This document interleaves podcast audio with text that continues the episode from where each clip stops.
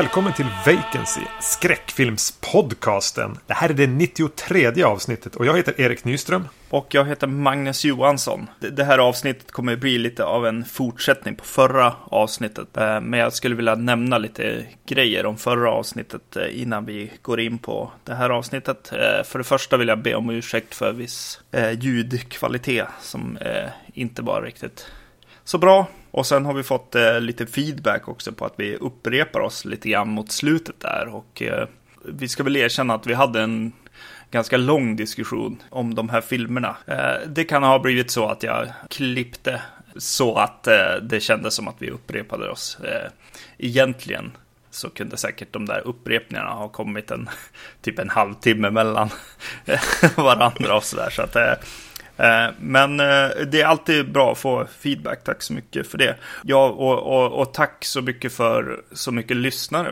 på, som vi fick för på det avsnittet. Eh, och vi får väl be om ursäkt om, om Clive Barker kanske inte var våran grej direkt. Kopp te, nej. Nej, vi har fått, verkar ha nått ut till väldigt många just föregående avsnitt och det är jättekul. Ja, verkligen jätteroligt. Så välkomna om det eh, hänger kvar några fortfarande mm. till det här avsnittet. Som inte är alltför sura på oss. eh, jag skickade ett av mina gamla recensionsexemplar till dig för några veckor sedan. Eh, nämligen The Guest som jag vill ha hunnit med och smitla in några elaka ord om, tror jag, tidigare på podcasten. Mm, precis. Har du, har du hunnit se den nu? Ja, precis. Jo, det har jag gjort. Jag satt ju lite grann och bara nickade sist när du, när du eh, gav den en, en, en redig känga där. Kan du hålla med om min åsikt om att det känns lite grann som att eh, Adam Wingard har rika föräldrar? ja, det kan jag väl hålla med om, det tror jag.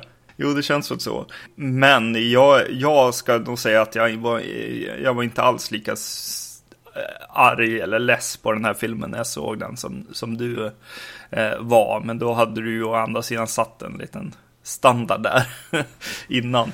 Eh, Sänkt dina förväntningar lite grann kanske? Ja, förväntningarna ja, precis var väl eh, ganska låga.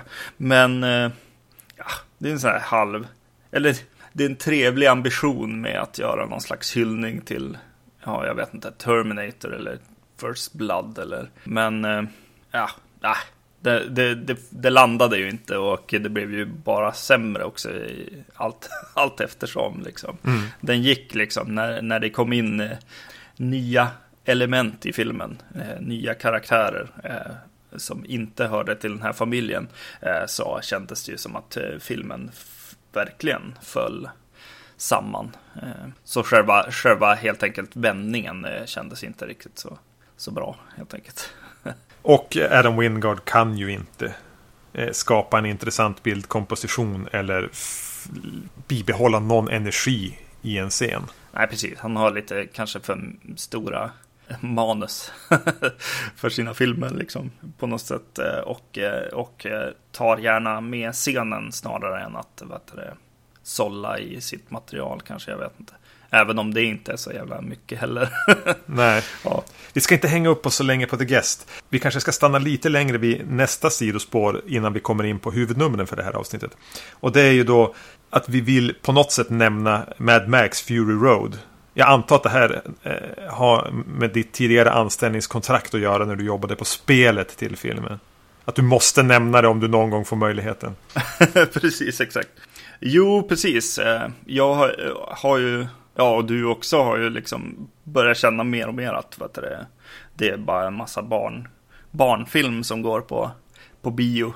Eh, så för mig så var det ju eh, en ganska skön, liksom, frisk fläkt på något sätt. Bara att den är gjord. Sen får man tycka vad man vill om, om själva filmen. Och eh, först innan jag säger vad jag tyckte så vill jag höra vad du tyckte om filmen. För du har varit på bio, eller hur? också? Ja, jag såg den igår, så jag har den ganska färskt i minne. Eh, det har ju hunnit bli ganska mycket snack, i alla fall i mitt Facebook-flöde om den. Och det verkar vara en film som är väldigt lätt att älska, men som är väldigt lätt att hata också. Mm. Eh, och, och, då är jag den här tråkiga som lägger mig någonstans där i mitten. Mm. Jag hatade inte Mad Max Fury Road, men jag kunde inte riktigt svepas med av den här euforin som vissa som har sett den verkar göra som, som bara älskar den här åkturen. Det blir liksom en, en stressig, i positiv bemärkelse, oändlig jakt. Mm. Med många infall, många idéer, visuella tricks och att den verkligen är, känns fysisk. Men den är ju samtidigt extremt dum och även om det är väldigt lite dialog så så fort de inleder en dialogscen så vill man ju att, ja men kör bil istället, säg inget, prata inte. För allting de säger är bara, alltså det är inte bara det att det, det, det är korkad information som ska fram. Det är det att replikerna är jättedåligt skrivna också. Mm. Jag hade förväntat mig lite här yippee kvalitet på replik, men nej, det finns inte ens någon, någon timing eller någon, någon lyft i det. det. Det blir väl ett problem, men det är kul att titta på den. Det är kul att titta på allt och det är ju verkligen extra allt. Ja, precis. Jo, jo, men det kan jag hålla med om. om eh, definitivt att... Eh, och det känns liksom lite fräscht i det här eh, superhjälte barnfilmsvimlet. Eh, det är skönt att se en film som ändå är lite mer för eh, en vuxnare publik eller, eller som, som vi har det från 15 år, vilket ju kanske USA borde ta efter kanske lite grann. att det finns 15-årsfilm. Liksom. Den är ju vuxnare i, i, i våldet, eller i actionen snarare. Eh, men den är ju inte direkt vuxnare i att du kräver, det kräver en mer utvecklad hjärna för att förstå den. Nej, nej, absolut inte. Nej, precis. Utan, utan jag pratar ju mer om lite våld och lite liksom eh, så. Liksom. Det är ju aldrig oklart vad man ska tycka eller känna heller. Nej, precis. Eh, Den går, den går tillbaks till liksom, när actionfilm gjorde lite ont. Liksom. Sen tyckte jag att färgkorrigeringen var liksom, nästan störande mycket. Liksom. Särskilt eh, som någon som har jobbat på spelet och sett på en massa eh, foton från in, inspelningsplatsen och sånt. Där man vet hur de här eh, inredningarna i bilarna och liksom hur vacker production design som har gjorts till den här filmen. Liksom. Och så sen gör vi allt bara orange eller, eller blått. Liksom. Mm. Eh, det är lite, li, lite tråkigt för de som har jobbat på ja, men fordon och så. Den var väldigt i, i den här nu rådande orangeblåa traditionen. Men för att vara en orangeblå tintad film så var den ju en, en av de mer snyggare orangeblå tintade filmerna. Den hade kanske de snyggaste blåfärgerna och de snyggaste orange sandfärgade.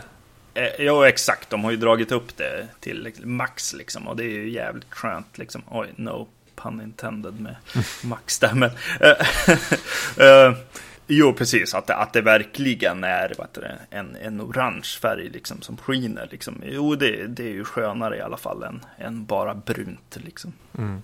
Mm, det är sant. Eller grått liksom. Eh, när natten inte grå utan den är verkligen blå. ja, jo men det är sant. Nej men jag, jag, jag eh, hoppas att den går bra på bio. Så att vi får se lite mer så här våldig action-genre. Eller i blockbusters liksom. Eh, och, och kanske få se lite mer vuxnare grejer liksom. Det, känns som nu, nu så vinner ju liksom tv över film på grund av det. Att, att på film så är det ingen som vågar släppa en film som är liksom för vuxna. Särskilt inte en, en stor, stor film. Utan det är klart att det finns liksom drama och mindre liksom filmer eh, som inte är actionrullar som är mer vuxna, så, som du säger. Liksom. att man, att man får, får ha hjärnan med sig på något sätt. Nej, men det ska ju få finnas en bredd i alla fall. Att den här typen av actionfilmer ska få existera eh, och vara tillgänglig för mig på samma sätt som ytterligare en Avengers-film eller Captain America-film eller vad det nu är, det kommer en i veckan. Paletten måste ju få bli större. Mm. Vill man, vill man se Avengers så ska man ju få gå och göra det. Vill man se något annat så ska ju det också få finnas. Det behöver inte e- e- ersätta bara ett större utbud. Nej. Eh, För det finns en publik för bäggedera, det är jag övertygad om. Ja, precis. Ja, och jag säger jag hoppas då det i alla fall. Så gå och se Mad Max. Eh, om inte annat för min skull. Du som då även var och såg Avengers Age of Ultron borde ju gå och se den åtminstone två gånger till. Mad Max alltså. ja, precis, exakt. Eh, jo, men det, det, jag kommer nog gå en, en gång till. Eller i alla fall köpa biljetter. Du behöver inte Ja, gå, precis. du behöver bara betala. Nej, nej. Ja, yes. Eh, men det är inte därför vi är här. Vi hade ju tänkt prata om två Candyman-filmer också. som vi utlovade i förra avsnittet. Vi kommer att ta vid där vi i Clive Barker-avsnittet pratade om Candyman från 92 genom att diskutera Candyman Farewell to the Flesh från 1995 och Candyman Day of the Dead från 1999. Ibland kallad Candyman 3 Day of the Dead. Men jag tror inte att eh, Farewell to the Flesh brukar kallas för Candyman 2. Eh, precis, och det här gör vi ju lite grann för att jag, åtminstone jag blev ju ganska imponerad i förra avsnittet av Candyman och eh, att det fanns ett, liksom, ett bra manus eh, som regisserades av manusförfattaren. Det är klart att den filmen hade lite sådana här eh, saker som var in eh, Ja, som man kände av var liksom lite så här producentgrejer. Det skulle in lite cheap scares och grejer som, som den filmen inte skulle ha behövt. För det var en lite mer, ja, som vi just nu pratade om, någon slags mognare thriller, liksom film. Liksom. Ja, och framförallt är de ganska klumpigt genomförda också. Att regissören har fått en order och bara gjort det. Eh, han har inte riktigt vetat hur man ska göra det. Nej, och, och även jag gillar Candyman. Eh, jag känner framförallt att det finns ett potentiellt mästerverk någonstans där. Men att de inte riktigt lyckas få tag i det. Samt att det, den lider av att man har försökt göra det till en mer traditionell skräckfilm. Som kanske skulle ta över efter eh, Nightmare on Elm Street. Mm, och jag är ju alltid sugen på att se färdigt serier. Så jag var inte så svår, svårflörtad med att gå med på att absolut, vi gör eh, uppföljarna till Candyman direkt efter det föregående avsnitt. Mm. Men Candyman, Farewell to the Flesh från 95, eh, den är regisserad av en person som heter Bill Condon, som ju har gjort mycket större liksom, filmer. Han är ju som ett namn nu. Alltså han har gjort Twilight-filmer i alla fall vet jag. Mm, mm, precis, och så kommer han med den här Mr. Holmes.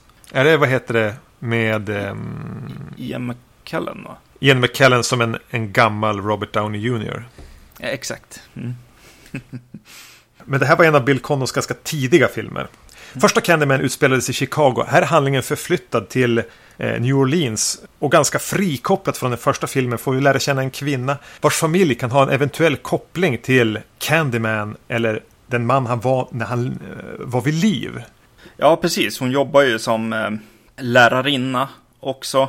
Eh, hon har en bror som är tungt involverad i, i myten om eh, Candyman och den här eh, saken med att man ska säga hans namn fem gånger i spegeln så dyker han upp och, och sånt. Eh, den här bror, bron eh, skyller deras fars alldeles för tidiga död på Candyman. Eh, den här Annie, kvinnan i filmen, hon eh, spelas av Kelly Rowan för övrigt. Eh, och hon eh, hon börjar kolla in i, i det här och eh, vad kopplingen är och eh, kommer djupare djupare in i, i myten om Candyman och eh, eh till den grad att hennes, hennes elever börjar bli eh, liksom påverkade också. Egentligen hela stan New Orleans blir ju inkopplad på det här eftersom att eh, det verkar vara en seriemördare ute i staden som dödar med med den här kroken och eh, man får en känsla av att eh, folket börjar, börjar tro att Candyman är tillbaka. Kan vi göra så för enkelhetens skull att vi kallar den för Candyman 2? Det kan vi göra. Det som är intressant med Candyman 2 är att den, den tar ju inte speciellt mycket notis om, om första filmen. Eh, den här skulle ju kunna vara en omtolkning av första filmen. Det är inte så mycket som lutar sig mot händelserna där. Helen, Virginia Madsens karaktär och hennes öde i föregångaren nämns ju aldrig. Däremot myten om Candyman existerar ju på samma sätt som den gjorde i första som någonting det viskas om. Några som påstår att den är sann, några som hävdar att det bara är en myt. Eh, visserligen dyker den här karaktären upp från första filmen, den här långhåriga eh, professorn mm. som vi träffade där vid ganska kort scen i, i föregångaren dyker ju upp här i början. Mm. Eh, som åker runt och turnerar med föreläsningar om att det bara är en myt. Mm. Eh, men i övrigt så, så, är den ju väldigt fristående. Mm. Och hade ju egentligen kunnat vara en annan version av Candyman 1. Precis, eh, särskilt efter liksom den här eh, första scenen där vi, där vi får en liten resumé liksom på, på ett sätt eh, som jag egentligen hade glömt bort också från den här filmen. För jag hade också den liksom, känslan även eh, innan jag kom in i den här filmen. Så därför blev kanske den scenen större för mig och, och, och den lilla liksom, vinkeln till ettan blev liksom mer tydlig den här gången för mig. Men, men Eh, Eh, det kan liksom gå en förbi på något sätt. För att eh, som sagt, det är liksom Candyman igen. Lite mer som producenterna förmodligen hade velat se den lite grann. Och så vad det med, med en ny stad. Eh, den nya settingen känns ju lite mer trött än, än i första filmen kan jag tycka det är ju inte en stad som känns speciellt fräsch att använda på det här sättet. Alltså det är en stad som är väldigt cineastisk med sina kyrkogårdar och sin historik och med musiken och New Orleans är som en mytisk, mystisk stad. Det, det, det jag tänkte bara, åh, en till New Orleans-skildring. Med släpiga dialekter och allt vad det innebär. Mm. Jag var väl inte jättepigg på det jämfört med de här skarpa gettomiljön mellan rika och fattiga i, i Chicago med det här ganska otäcka low-rises Cabrini Green. Där kändes ju fräscht medan här ska vi som bara tillbaka till södern på något vis.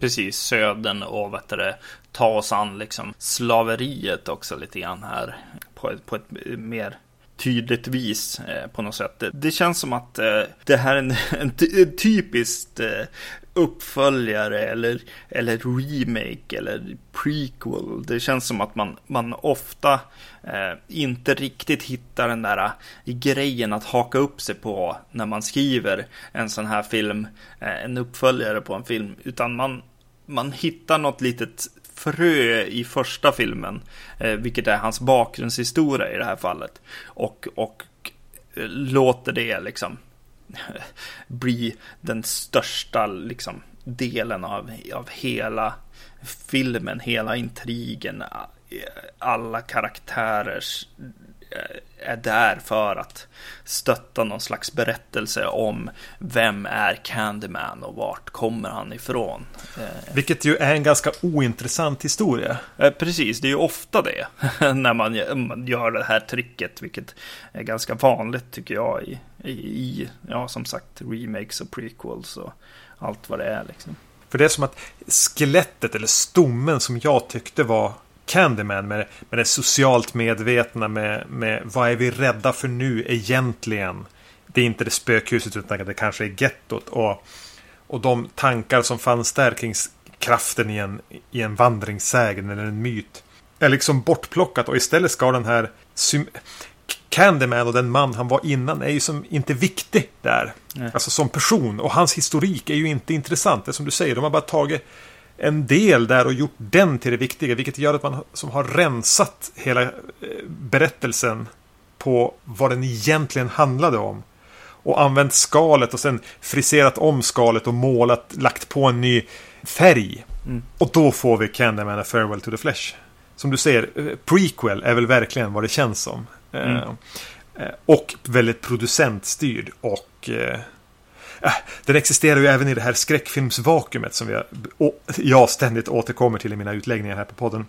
Eh, Men efter att slashervågen och 80-talsskräckfilmerna hade dött ut och innan Scream kom med och det som sen kom efter Scream med den japanska skräckfilmsvågen, det vi lever i nu, så fanns det mellan sig tidigt 90 och, och, och fram till 90, när Scream kom, 96 tror jag då man inte mm. riktigt visste vad man skulle göra och mycket av skräckfilmerna gjordes egentligen kanske för bio, kanske direkt till hyrmarknaden. Mm. Och den här är ett praktexempel på det. På en skräckfilm som inte riktigt vet vad den är. Eller ens bryr sig om att vara en skräckfilm. Precis.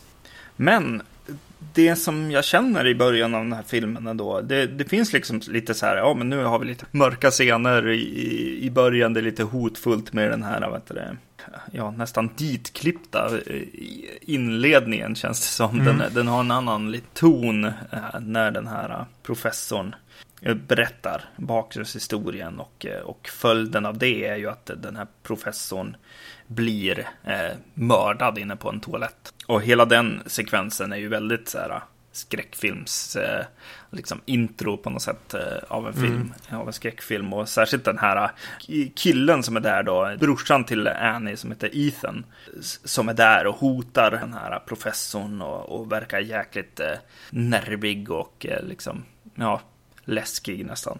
Allt det eh, skriker ju liksom eh, skräckfilm. Men sen, sen när filmen liksom kommer igång och liksom eh, Annie pratar med sin mamma och det handlar om liksom eh, mamman har, har cancer mm. Eh, och är lite morbid i sin humor runt det och vet Ethan här åker ju i fängelset. Eh, inte i fängelse, han blir... Blir häktad för mordet på den här professorn. Eh, exakt, och systern här och mamman är, är där på besök och eh, det är ganska mycket liksom om deras familj och deras familjeförhållanden och, och sådär. Så jag började säga, ja, men vem, vem är publiken här?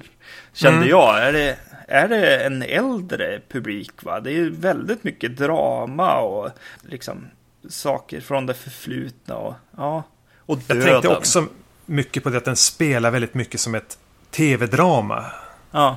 Eh, som famlar lite grann också efter vad den försöker handla om. Men en ganska, men inte helt ointressant slagsida mot drama. Jag, jag, jag blir lite road ändå av ja, men, brorsan här.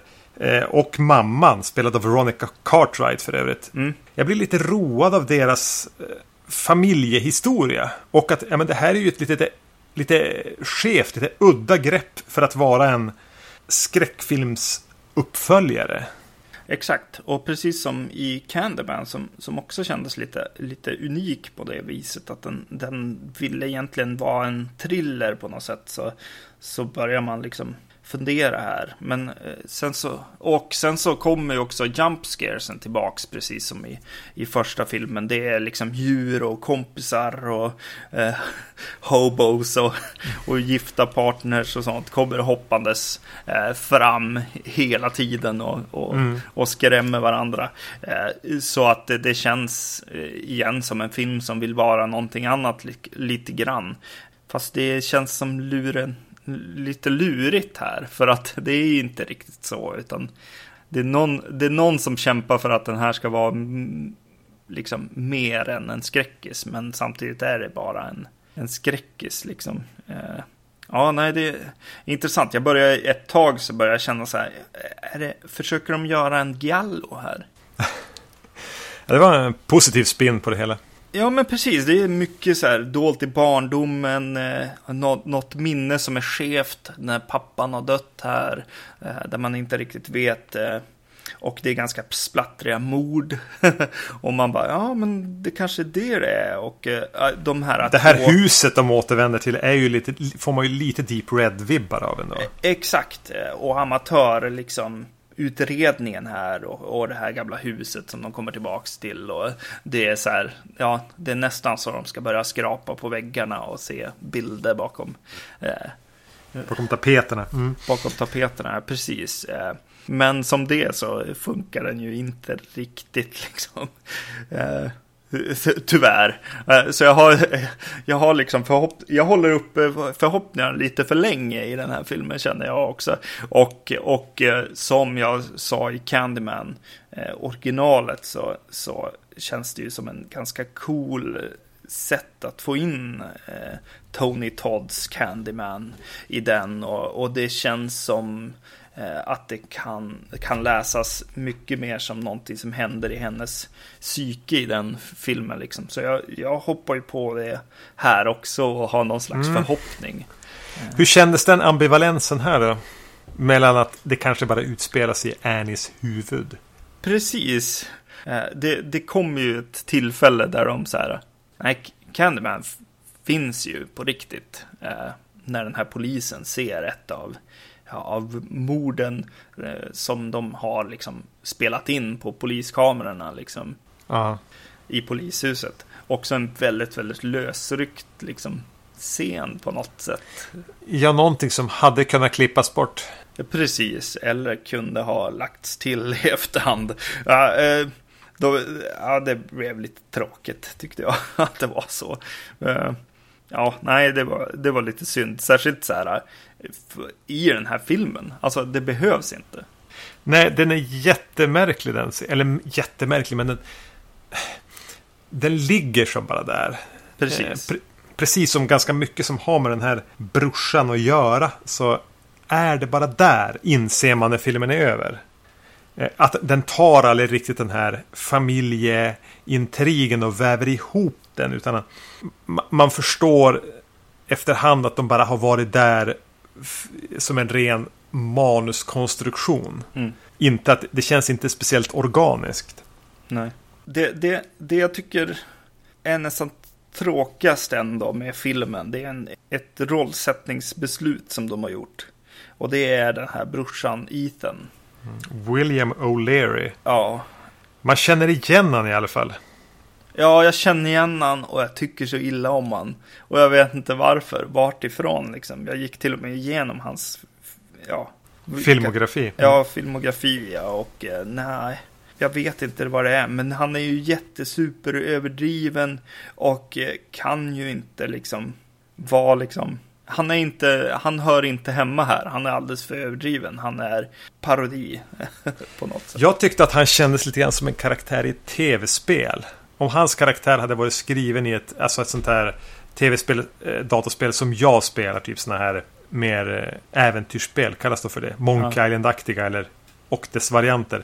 Han känns som en karaktär i ett sånt. I, i Police Quest eller någonting. Alltså om man ska skriva in brorsan till någon där. Ja, jag satt hela tiden och tänkte att han var, han skulle, att han var renderad. Just det. Han är ju med i LA Noir. Eh, som är väl den liksom, moderna tappningen på det där. Eh, så det är lite kul att du säger det. Det är ganska kul att jag använder Police Quest som referens. ja, precis. Säger någonting om, om hur uppdaterade mina tv-spelsreferenser är. Precis. Men du har tyckt om, om, om Candyman då? Eh, och hans om, eh, omdesign. I första Candyman så har han typ rutiga brallor och typ en pälsfodrad rock. Ja, han är ju lite mer pimp liksom i, ja. i första filmen. Uh, ja, det är sant. Just det. Här är det svart rock och mer en, mer en typisk skräckfilmsmördare. Ja. Nej, det är ju ganska trist alltså. Mm. Jag gillade inte designen i, i första Candyman. Inte nödvändigtvis att han kändes som en pimp. Nej. Utan jag gillade väl egentligen inte uppenbarelsen av Candyman. Men, så jag tänkte att ja, men här har de försökt göra någonting nytt, men jag gillar inte det heller. Nej. Det här blev inte bättre, tänkte jag. Eh, tyvärr kanske lite mer strömlinjeformat. Men då börjar jag fundera, är det Tony Todd som är problemet? Nej, det är det nog inte heller. Okej, han pratar fortfarande för mycket här. Jag har svårt att sätta fingret på vad som är mitt problem med uppenbarelsen av Candyman. Men det blir lite grann det här konceptet av att det du ser då när du har liksom åkallat någonting framför en spegel ska vara lite mer otäckt än, en, eh, än vad han är. Kanske att man mm. inte skulle se han så mycket. Kanske att han skulle se obehagligare ut. Ja. Jag, jag, jag, kan inte riktigt få fatt på vad det är. Men det är någonting med hela uppenbarelsen av den mördaren som inte registrerar hos mig. Nej, precis. Nej, de lägger ju liksom all tillit i Tony Todd. Eh, definitivt. Mm. Mer än hans design liksom. Eh, ja, Men, och hans liksom lite halv långsamma rörelser och, och blick liksom. Mm. Men är Tony Todd tillräckligt mycket av en skräckinjagande, obehaglig uppenbarelse för att kunna fylla de skorna? Alltså... Jag är inte så här golvad av Tony Todd. Alltså jag ska inte säga att han är dålig. Men jag tycker inte han är tillräckligt bra för att vara liksom en skräckfilmsikon på grund av de här insatserna. Det är ju inte liksom Robert Englund som Freddy Krueger. Nej, precis. Nej, nej, det är det ju inte. Alltså, i första filmen så är han ju bara en uppenbarelse av den här första mördaren. En, liksom en mer, en större version av, av honom på något sätt. Som, som ja. hon ser honom i, i sitt liksom, minnesbild. känns det lite grann som. Eh, och, och betydligt mer liksom, hotfull på något sätt än, än, än den personen. Men, eh, men det är klart, här så, så går han ju in och ska bli liksom skräckikon. Eh, mm. På ett annat sätt än i, än i originalet. Särskilt om originalet fick fick stanna där om, om det bara hade varit den filmen. Liksom. Så ja, jo det är väl sant. Han, han klarar sig inte hela vägen. Jag tror också att mycket ligger i så här, ja men vi ska försöka lägga någon slags sympati i den karaktären också.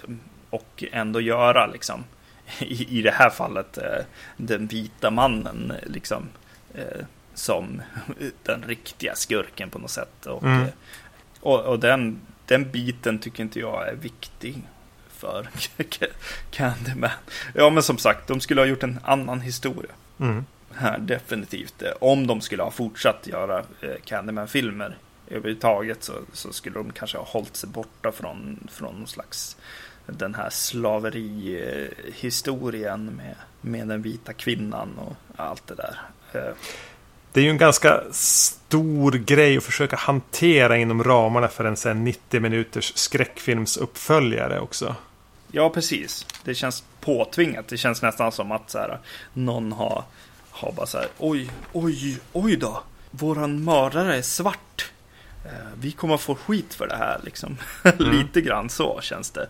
Ja, istället för att se honom som Eh, en person så ser även producenterna bara oj oj oj, oj oj, han är svart. Eh, vi, det, det är bäst att, att eh, vi gör de vita till liksom, skurken här. Och ändå skräms de ganska mycket med svarta män i den här filmen. Ja. Någon kommer in på en toalett och är svart. Det är liksom... Nej, det var inte Candyman. Det var bara en annan svart man. Alltså det... Det är någon lärare som kommer in i ett rum också och undervisar. Ja. Till en sån här cheapskare Nej men det där var också bara en svart man. Det är nästan så, den, så, så, att filmen säger Ja vi vet att ni tycker de ser likadana ut allihop. Som ja. att de, man tänker att man ska blanda ihop Candyman med de här andra männen. Ja. Bara för att de råkar ha samma hudfärg. Lite grann. Någonting som bara förekommer i början av filmen. Men... Jag, jag tyckte det var lite pinsamt. Jag såg eh, ett eh, YouTube-klipp där, eh, där Roger Ebert recenserar Candyman uh, Farewell to the Flesh. Och uh, säger att så här, ja, alltså det är klart att de har ett, ett litet problem här där, där när Tony Todd är ganska lik O.J. Simpson, säger han. Aj, aj, aj. Ja, ja, ja, ja, ja, ja. Vilket är lite pinsamt, Ebert, kan jag tycka. Uh, aj, jag vet inte ens vad jag ska säga. Nej, nej. Precis så reagerade jag med. Ja, nej men har vi pratat klart om den här filmen? Eh, ingen av oss låter ju som att vi är jättenöjda. Nej, precis. Jag, jag höll upp eh, liksom förhoppningarna genom filmen ganska långt och, eh, och eh, någonting som ändå finns i den här filmen är ju någon slags kompetens kan man väl säga eh, i filmskapandet. Eh, inte, i, inte, i, inte i skräckfilmsaspekterna, inte i scaresen eller någonting, men i, just i dramat så ja. Ja, precis. Och, och det är väl som en, en så habilt sammansatt tv-filmsskräckis på något sätt. Som lever i det här identitetslösa 90-talet. Mm. Uh, sen tyckte jag att slutet, det finns en aspekt av slutet är väl lite grann att en man Candyman var innan han, han blev Candyman på något sätt få sin plats bland sina, eh, vad heter det, ättlingar. Mm. På ett lite fint sätt som jag kunde gilla. Ja. Plus att de använder mus återanvänder musiken från föregångaren. Eh, och även om det, jag gillar den musiken. Mm. Den är inte lika väl använd här, men ändå. Det är tillräckligt för att man ska minnas föregångaren i alla fall. Mm. Eh, någon, någonting som jag, eh, ja, nu hoppar jag in i den igen. Men eh, någonting jag gillade med, med eh, filmer var eh, lite av det här New, New Orleans är under hot från Candyman. Eh, att det fanns lite så här uppsatta eh, affischer och man fick lite bättre bilder på, på bara folk på gatan och sånt där. Eh, det var eh, ganska trevligt och så, sen fanns det en en radio-DJ som hela tiden pratade till Candyman som att men kom igen, sluta nu och så vidare. Och, även till, till eh, befolkningen i, i New Orleans om, om New, New Orleans egentligen på något mm. sätt. De för, försökte grunda den där med den här DJen. Och en rolig detalj som jag var tvungen så här, att pausa när, när han väl sa, den här DJen sa Åh, nu är det bara 21 minuter kvar, sa han. Och eh, då bara pausade jag filmen, kollade, kollade och så bara, ja, mycket riktigt, det är 21 minuter kvar av filmen. Eh, det tyckte jag var lite mysigt. Ganska kul, kul grej att lägga in i sin film.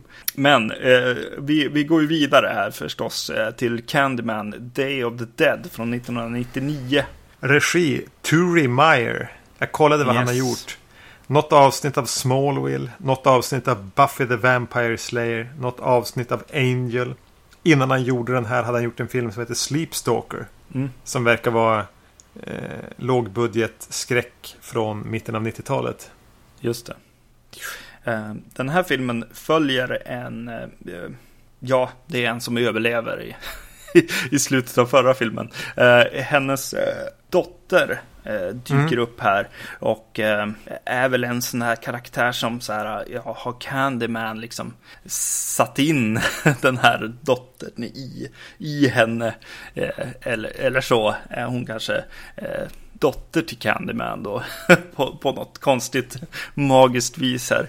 Eh, det vet vi inte riktigt så här hur det eh, hänger ihop. Men eh, hon i alla fall börjar se Candyman dyka upp i hennes liv i mardrömmar och bilder liksom eh, som hon får.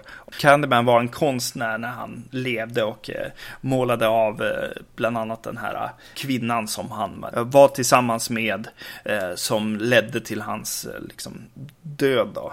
Hon eh, äger ja, målningen på han och, och annat. Så hon ställer upp på att eh, ställa ut eh, hans konst. Eh, men hennes eh, kollega i det här eh, tar ju tillfället i akt och eh, utnyttjar Candyman-myten för att eh, få folk att komma till den här eh, ateljén. Medan hon försöker liksom egentligen prata mer om, om mannen han var och och hans konst helt enkelt. Eh, men eh, allt det här eh, leder ju till att vad det, Candyman dyker upp i mer och mer i hennes liv. Och folk börjar dö. yes. Den här utspelas i Los Angeles. Så nu har vi åkt vidare till städer att spela in film i. Just det. Ja, eh, beroende på budget och hur långt man kan resa liksom. Eh, ja. Eh, det här är ju direkt till DVD om inte liksom Turi Meyer, regissörens tidigare, alltså fortsatta arbete skvallrade om det. Eh, den öppnar med en dröm. Och den öppnar väldigt, väldigt svagt med en dröm. Precis, med värsta lågbudget eh, Elm Street-introt med eh, någon slags ljust eh, sparsmakat badrum. Eh, där graffitin som eh, figurerar i både första filmen och i andra filmen eh, har bytts ut mot eh, blodssmet på väggen. Eh. Mm. Det känns som att Uwe Boll har eh, regisserat den här inledande sekvensen. Eh, och, och, jag tycker även direkt så det är alltså våran, våran huvudrollsinnehavare spelad av Donna D'Erico som var med i Baywatch. Jag, jag tänkte när, när eh, hon presenteras i den här drömmen och står vid en spegel och ett badkar inblandat och hon vandrar runt i, i underkläder. Och jag tänker hoppas, hoppas, hoppas att det här är ett pre-credit mord. Ja. Men det är det ju inte. Utan Nej anledningen till att jag hoppades det var att jag, jag, köpte inte hon på något sätt. Hon var vedervärdigt. Hon säger knappt någonting. Hon gör inte speciellt mycket. Hon går omkring och hon är jättedålig. Mm. Men nej, det är ingen karaktär som ska avpoliteras innan de första fem minuterna. Utan nej, det här är vår huvudrollsinnehavare. Mm. Och det blir jätte, jättejobbigt att, att försöka följa med henne i hennes vedermödor sen. Eh, för ja, Virginia Madsen i första Candyman, skitbra. Kelly Rowan i föregångaren. Fullt duglig liksom. Ingen, ingen dålig skådis. Hon, hon klarar av det hon ska göra där. Och helt okej. Okay. Här är... Eh, jätte, jättejobbigt att försöka hänga upp någonting på den här extremt svaga skådespelerskan. Mm. Eller är, är, är du imponerad av, av henne? Nej. Av Donna D'Erico? Nej, det är ju inte. Problemet blir ju ännu större när det liksom kommer in folk som ändå kan äh, agera som, som dyker upp som nästan en skurk i sammanhanget. Det, det kommer in en, en, snut som man ska så här, tycka riktigt illa om. Han, mm. eh, han eh, har personliga liksom, vendettor på G och han eh, liksom styrs inte alls av någon, någon slags eh, känsla för rätt och fel och så, eller rättvisa liksom. Utan han är en riktig så här bad cop liksom. Eh, som ju så här jag bara, till exempel när, hon, när han pratar med henne så, så tittar han på bröst och, och rumpa hela tiden och sådär. Eh, istället för att liksom, ja men han är bara vedervärdig helt enkelt, en karaktär. Men jag tycker ju eh, betydligt mycket bättre om honom än om, om henne. ändå. För att han är ju mm. liksom likable i sin ondska på något sätt. Eh, den här snuten. Eh, så, så jag börjar ju heja på helt fel personer. Och samma sak egentligen med Candyman. Så här, ja, men, ja. Du hejar på polisen, elaka snuten och Candyman. Ja, precis. Ja. ja. Inte på den här hennes kollega som exploaterar Candymans konst. För om det var någon som kunde utmana Donald Jericho till att vara kass så var det han. De, de tjänade ju på att ha scener mot varandra för då stack inte någon av dem ut som jättedålig. Ja, precis. Mm. Ja, nej. Eh, nej, det var verkligen inte bra. Men, mm. eh, en till karaktär som vi måste nämna också, det är ju vad det, Elm Street-killen som mm. dyker upp här. Eh, han, är en, han spelar en skådespelare. Eh, jag, nu vet jag inte vad han heter. Jag har inte skrivit upp hans namn. Det har inte jag heller, vad pinsamt. Mm. Ja, precis. Eh, men han, eh, han eh, är med, är med i en scen eh, på galleriet eh, där de är och visar sina, den här konsten. Och han är, han är dithyrd som liksom ett skrämmande element så att eh, det ska bli spännande att vara där. Och, och på den här premiären liksom eh, kommer han in med en krok och grejer. Och så sen dör ju eh, eh, galleriägaren här. och då blir han ju ditsatt för övernaturliga mord igen. Mm. Den här snubben som ju blir det i Elm Street också. Han är ju pojkvän till Tina i, i Elm Street-filmerna. Och, och får ju någon slags, alltså han är ju castad och skriven för liksom att, att vara honom i den här också på något sätt. Han har som hela tiden ett leende i, mun, i mungipan också som att han vet om det. Ja, precis. Jo, jo. Alltså, jag, jajamän, jag är tillbaka. 15 år senare, gör samma sak. Mm. Ser ungefär likadan ut. Ja. Mm, det ändå, som sagt, den inleds som en mardröm. Sen är vi ganska raskt genom den här, en scen på, på galleriet. Vi får ett mord, Candyman är tillbaka. Eh, vilket är att det har en, en väldigt forcerad, hela första halva av filmen. Dels så hade den behövt etablera liksom ett normalläge. Mm. Där den här huvudkaraktären eh, jag har inte ens lagt på minnet vad hon heter. Jag vet bara att skådisen heter Donna Jericho. Eh, hade fått leva sitt normala liv. Men vi får ingen glimt av det. Hon är bara stressad hela tiden och jagad av Candyman och övertygad om att, om att han bara är en myt. Sam, samtidigt liksom. Att, att det finns inget normalläge som gör att resten blir skrämmande. Utan här är allting kaos från första bildruta. Skräcken är där från ruta ett. Och då blir det lite svårt att relatera till någonting. är, det här, har det här, är det här hennes vardag? Liksom? Hon har alltid haft, levt som i en skräckfilm. Ja, precis. Det, det, det blir ett problem för mig. Mm. En sak som adderar till det är ju att eh, ingen har, äger någonting heller i filmen. Om du är i, en, i, i ett rum så det finns inget där. Allting är bara vitt. Det är vita väggar eh, och vad heter det, vita möbler, allting. Det enda som finns i miljöerna i folks hem är så här, ja nu behöver vi en stol. Ja, då är det någon som har tagit in en stol för dagen liksom. Eh, så typ en sån här vit utemöbelstol i princip som de var och knyckte på någon pizzeria bredvid. Precis. Så inget berättas om de här karaktärerna överhuvudtaget, inte ens i liksom hur de bor på något sätt. Jo, hon har en, hon har en tjejkompis eh, mm. som hon är oss ibland. Och den tjejkompisen har faktiskt nästan ett hem eh, som man kan liksom läsa av lite grann i i alla fall. Men det är inte många scener som har liksom setdressing överhuvudtaget. Det är, det är skitjobbigt. Det är ju, hänger förmodligen ihop med en, med en låg budget och en väldigt dåligt använd låg budget. Mm. Majoriteten av pengarna gick väl förmodligen åt till att anställa Tony Todd en gång till. När man lika gärna hade kunnat byta ut honom om du frågar mig. Mm. Jo, han känns ju inte som att han ville vara med i den här filmen på ett sätt. Eh, ser man redan i förtexterna där han har någon slags co-producer eh, credit också. Eh, mm. Som han säkert ville ha för att överhuvudtaget vara var med. Ändå har han sån, ännu, Tony Todd ännu en gång gått med på att fylla munnen med bin. Mm. Det är väl tredje gången han gör det. Liksom. Fyll min mun med bin. Jo. Eh, där kommer du till en, en punkt. Där jag tycker att så här, det finns ljusglimtar i den här filmen. Det finns någonting i uppfinningsrikedomen i vissa av så här, de lite så här udda eh, sakerna som hon ser. Saker som skulle vara med i en, i en Elm Street-film. Eh, till exempel så är det ett bi, eh, eller ja, båda de här har med bin att göra. Men eh, det är ett bi inne i en glödlampa. Mm. Eh, I en scen som hon ser då.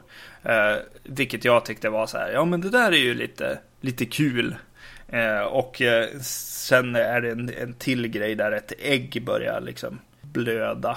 Och så kommer det ut en, en geting ur, ur ägget, eh, ett stekt ägg liksom. Eh, det är inte lika kul. men, men det är ändå så här, okej, okay, det där har jag nog inte sett förut ändå.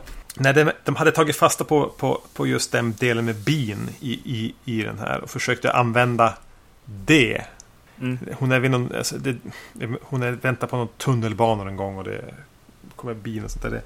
De har försökt ta fasta på, på den delen av, av Candyman, vilket är en väldigt märklig del att ta fasta på. Ganska ointressant egentligen. Men jag håller med, just det där med inne i glödlampan, det är en jättehäftig visuell grej. ja, precis. Bin kommer och så här slår in ett fönster. Uh. Vilket är en rolig idé. Nej. Nej, det är en jävligt konstig tanke. Uh, men, men. Men det märks ju väldigt väl att Candyman 3 kom med sen slashervågen hade brutit igenom. För de försöker tvätta till den så att man ska kunna acceptera den som någonting som går att se samma kväll som du ser Urban Legends 2 möjligtvis. Mm. Alltså att den har tappat lite grann av sin särprägel den har mer att göra med, med, med Urban Legends på ett sätt. Men den har då fördelen av att Candyman etablerades redan vad blir det, sju år tidigare som någonting som den skräckfilmshyrande publiken kände till. Mm. Men alltså, ja precis. Den här är ju så pass kass att eh, jag blir ju sur när den liksom gör saker som har med, till och med med två, äh, tvåan kan man Farewell to the Flesh. Du tycker den drar den i smutsen? Äh, ja, men precis. Den här filmen har inte rättighet att ta död på tjejen i andra filmen. Det är inte okej. Och... Äh, Annie för guds skull, det är ju Annie. Ja, precis, exakt, exakt. Jag, får, jag, jag blir liksom, jag blir sur liksom när jag ser den här filmen. När de gör så. Och det är ju helt befängt liksom. Att jag ska tänka så överhuvudtaget. Jag tycker det säger en del om hur kass det här blir liksom. Den förra filmen eh, var jobbig för att den tog upp en massa så här, bakgrundshistoria och skit. Eh, och den här filmen gör ju, gör ju missen där de, där de gör det här typ familjebandsskiten liksom. Mm. Det får fan skräckfilm sluta med. John Carpenter Carpenter snodde ju det från George Lucas när han gjorde Halloween 2 och han gjorde det för att han var typ less. han hade inget mer att berätta liksom. Bara, ja men ja. jag tar det här från George Lucas, det blir, det blir bra. Eh, det är typ poppis just nu liksom. Man kan inte fortsätta på det spåret liksom. Eh, nej, det är verkligen inte hett direkt. Ja, sen gör de ju även att, att de använder den tillbakablickarna igen till när Candyman liksom blev lynchad då, när han levde. Mm. Men har valt att spela in det igen. I första filmen får vi det berättat. I andra filmen får vi en tafflig iscensättning av det. Mm. I tredje filmen får vi en variant på en tafflig iscensättning av det. Om de nu ska låta de här två filmerna vara besläktade, varför visa det igen på ett annat sätt? Visa det inte alls, använd den scenen igen eller berätta det. lite konsekvens. Liksom. Ja, men för guds skull. Om ni, om ni ändå ska döda Annie så. ja, precis. Ja. Vet du vad? Jag blev ändå lite lättad. För jag, var, jag satt och var lite orolig under slutet. Sista. Tänk om Magnus gillar det här. men han gillade så här Amityville Dollhouse. Och ja, just det. För mig att du var inte så jättenegativ till Death Wish 5. Men det här, det här för mig är det här lite grann samma. Ja. Samma skrot och korn. Ja. Precis, han har ett papier-maché-näste istället för en, ett, ett dockhus här. Ja. Aj, gud alltså.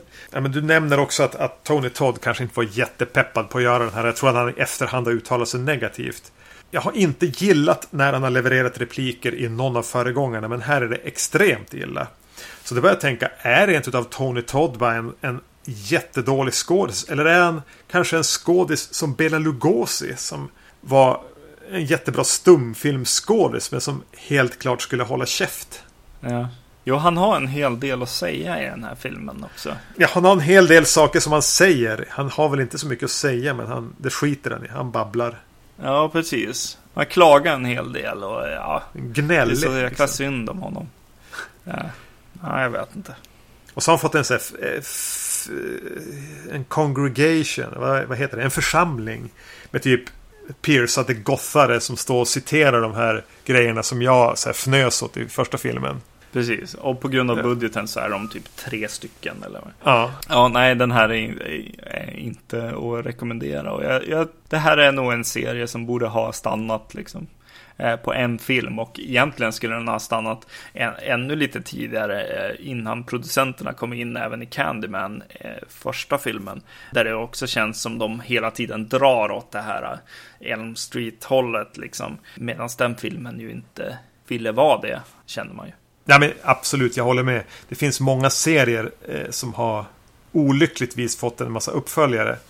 Och det här är väl kanske en av de främre exemplen på det. Men samtidigt är det väldigt lätt att bortse från dem. Ja. Eh, kanske för att Candyman som skräckfilmserie, nu är det bara tre filmer, inte har någon jättehög status, inte pratas om så mycket. Och framförallt pratas det ju sällan om uppföljarna. Mm, precis. Och den har ju inte riktigt den där riktigt bra första filmen heller. Det kan man inte heller säga, men Eh, ja, fast jag får fan stå upp för den filmen. Jag tyckte den var riktigt intressant. Det var ett, ett riktigt bra exempel på när den här writer-director-grejen eh, funkar, tycker jag. Men eh, de, de här filmerna är inte så bra. Candyman 2 är ju definitivt bättre av dem. Det är ju en film i alla fall. Det är ju, det är ju en film som de har regisserat från början till slut och använt riktiga skådespelare i. Ja, precis. Jag... Eh känner lite grann att det är dumt att vi ger de här filmerna uppmärksamhet. Det hade kanske varit bättre att bara tiga ihjäl dem. ja, kanske. Så hade det bara fått vara en, fi en, en, film. Det hade bara fått vara Candyman från 92. Framförallt så är ju Candyman 3 någonting som bara är där och grisar ner det hela ordentligt. Jag kan acceptera Candyman 2 som det här what if mm. grejen. Eller så här hade man kunnat berätta historien om Candyman. Mm. Men på något sätt känner jag även att den ultimata Candyman-filmen är inte gjord. Det finns så mycket stoff där som skulle gå att kunna göra till ett epos. Alltså ett, ett, en, en skräckfilmsklassiker som är odiskutabel. Med bara de ingredienser som finns i första filmen. Nåväl, det här var det 93 avsnittet av Vacancy. Ni hittar oss på iTunes. Vi finns på Facebook om man vill eh, ta kontakt med oss där. Man kan även mejla oss på podcast vacancy.se. Vi finns på filmfenix.se även och naturligtvis på vår egen sajt vacancy.se. Precis, och om man är nyare lyssnare så kan man eh, på vår hemsida så har vi ett, ett litet äpple uppe i högra hörnet bland eh, andra länkar till Facebook och annat. Klicka på det så kommer ni till iTunes och kan börja prenumerera på avsnitten där. Yes, nej men eh, hej. Hej hej.